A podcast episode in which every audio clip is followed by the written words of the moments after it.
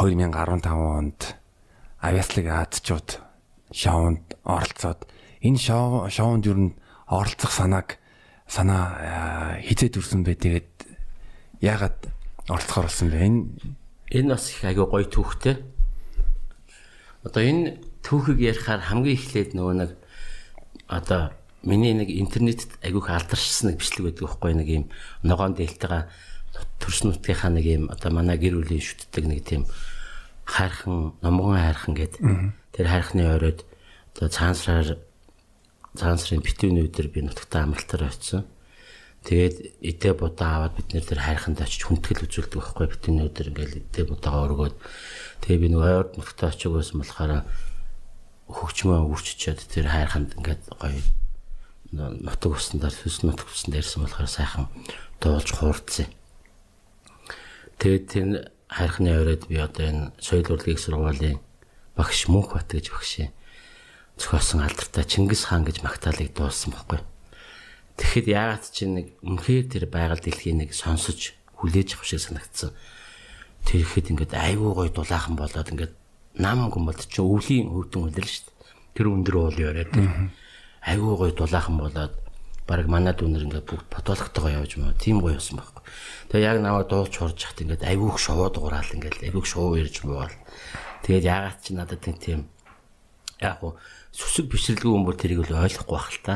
Зүгээр л байгалийн үзэгдэл гэж бодох. Надад ягаад чин тэр нутгийн уул ус яг тэр дуу хоорыг сонсох сонсож байгаа юм шиг тийм уул усны толгой савдаг гэж байдаг үнэхээр сонсож байгаа юм шиг санагдсан тийм гоё мэдрэмж төрсөн. Тэгээд тэр яг тэр дуулж уурсныг манай ихнэр ингээд уцаараа бичиж аваад тэгээ санаанд гүйрээд ингээд сошиалд хийцэн чинь нөгөөх нь зү маш их тандалт авсан. Аюу хүмүүс үтсэн.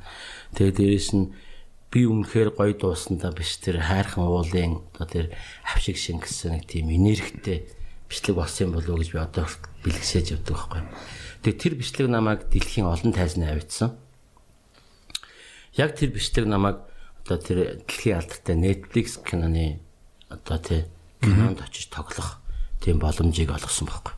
Яг нь найруулагч нь тэр Джон Буско гэж хүн бол маш гоё мэдрэмжтэй гоё санаа гаргасан. Энэ кинонд Монголын хөөмийн урлагийг заавал оруулах хэрэгтэй юм байна гэдэг санаа гаргаад манай ингээд интернетээр судалсан чинь миний бичлэг нөгөө нэг их тандалт авсан бичлэг чинь ингээд дээгүүр гараад ирт юм байна л да. Тэгээд миний бичлэгийг олж үзээд тэгээд одоо тэр кинонд одоо манай жүжигчин оргилах манай алтай оргил хамтлагийн одоо моруу уурч хүмэж зөргөө гэд манай нэг дүү байдаг уран бүтээлч этник зөргөө гэж залуу. Тэгээ бид гурав Монгол улсаас очиж яг тэр Монголын хөөмийн урлагийг оруулах тэр сценд нь очиж тоглож ирсэн. Тэр тоглолт нь яг тэр гэсэн болохоор яг тэр Малайзийн алдартай киностуд яг тэр хэсгийг бичижсэн байхгүй юу? Тэгээд тэр киноны хэсэгт очиж оролцсондоо маш их баахаж баярлж явдаг. Тэгсэн чинь тэр кино дууссаны дараа удаачгүй хэдхэн сарын дараа одоо энэ чи Aegis Code таалантлах гэж байгаа. Одоо яг бидний тэр урлагийг тэр хүмүүст агиух таалагдсан. Маш хүмүүс гойс нагцсан шүү гэлээ. Тэгээд тэр хүмүүс санал тавьсан байхгүй. Code тааланд та ирж оролцооч. Таны энэ урлаг үнэхээр гоё сонирм содон байх байх гэдэг үднэс. Тэнгуут нь би зөрүүлээд би хэрвээ оролцох юм бол хамтлагаараа оролцох хүсэлтэй байна гэж хэлээд тэгээ манай хамтлаг бичлэгээ явуулсан чи манай хамтлаг ихний бичлэгийн шатанд нь тэнцсэн байхгүй. Тэгээд анх тэр Aegis Code-aalд оролцох шалтгаан тэрнээс бий болсон. Тэгээд бид нар анх санаанд өнгө бичлэгээ явуулсан чи агиух таалагдаад бичлэг маань тэнцээд тэгээд дараагийн ихний шатанд оролцох урилга анх иржсэн. Тэгээд очиж оролцсон чинь бид нэр бас Монголын энэ сайхан хөөмийн гайхамшигтай орлог маань бас хүмүүст агиух таалагдчих. Аврагын төлөө хүртэл явсаа бид нар чинь Майша аюулын шатыг давж. Тэргээрээ бас бид нэр бас а одоо энэ бид нар Аз твгээл тэгэхээр нэг Шопон, Солонгос, Хятад те ингээ боддог чинь зүүн мөд Аз руу бол маш нэг тийм нээлттэй биш байсан. Яг Монголыг бол тэлийн сайн мэдгүй ч байт юм уу. Тэр утгаараа одоо монголчууд одоо Ежеско талантад анх оролцсноор монголчуудыг мэдхгүй маш олон хүмүүст мэдүүлж ийм өв соёлтой, ийм арт түмэн энд амьдардаг ийм хүмүүс байдаг гэдгийг илүү их таниулж чадсанараа бас гişнээ төрүүлж чадаагүй ч гэсэн бид нэр бас ардын урлагаараа дамжуулаад эх орноо суталчиж чадсан гэж багтдаг. Тэр бол э, би бол яг ялалт гэж л хараад байгаа. Одоо Монголын одоо өс соёлыг яг жинхэнэ бодит жишээгээр таниулж э, таниулж ятсан. Тэгээд э, яг тэр Aegis Got Talent-ийн 3 бичлэг ингээ харангуут яг финал хүртэл тэр тэр тайзны засаг чимэглэл амун бас та нарын хувцаслалт надад бүр маш их таалагдсан бүр тийм амар омогшил төрсөө. Тий яг хуу биднэрт одоо тэгэл нөгөө нэг өв сожлоо эх орноо сурталчлах маш том боломж бий болж байгаа хоолой тэрэн дээр маш хичээсэн. Тэгээ дээрээс найруулагч нар нь аль хоор монголчууд ямар байх хэвтэй, Монголын үндэсний хувцас ямар байх хэвтэй одоо ямар тийм ахуй амьдралтай юм гэдгийг аюу их тийм тодтогч харуулахыг аюу хичээж исэн. А яг хөө нөгөө талаасаа шоу юм болохоор найруулагч нар нь бол те одоо ингээл байнга байс гэж байгаа ярьцлага авдаг. Тэрэн дээрээ биднээс ингээд аюу их тийм одоо сэтгэл хөдлөлийг аюу хүсэж исэн. Одоо чихэх юм бол те юм юм яриад ойлгох юм уу.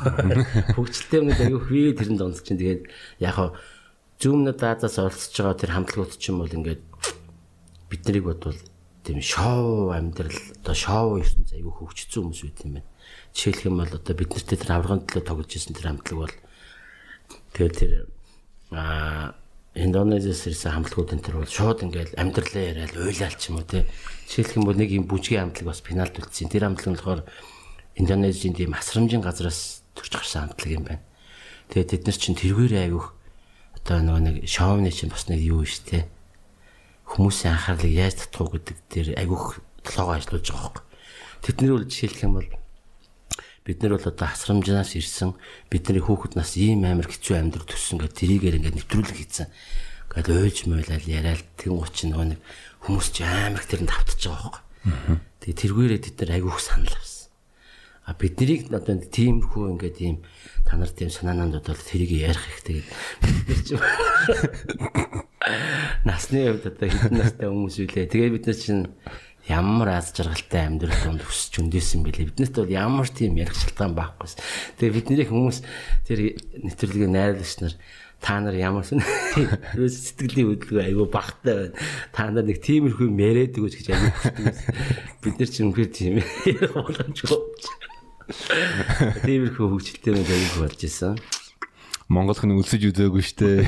Тэр ч одоо яг үннийг хэлгээд бол сайхан буянтай ард юм штэ. Тэгээд сайхан ад жаргалтай хүмүүс байхгүй. Өнөөдөр хүртэл одоо дэлхийн нийтээр энэ цар тахлаар бижгэн жихт бид нэр яаж нүгээр одоо тэгэл одоо яг үннийг итгэх дотор гадуур бол одоо сайхан маск гэдгийг одоо баг мартсан юм чинь тэгээд бас тийм сайхан хувь зайтай ард юм гэж боддоо шүү дээ.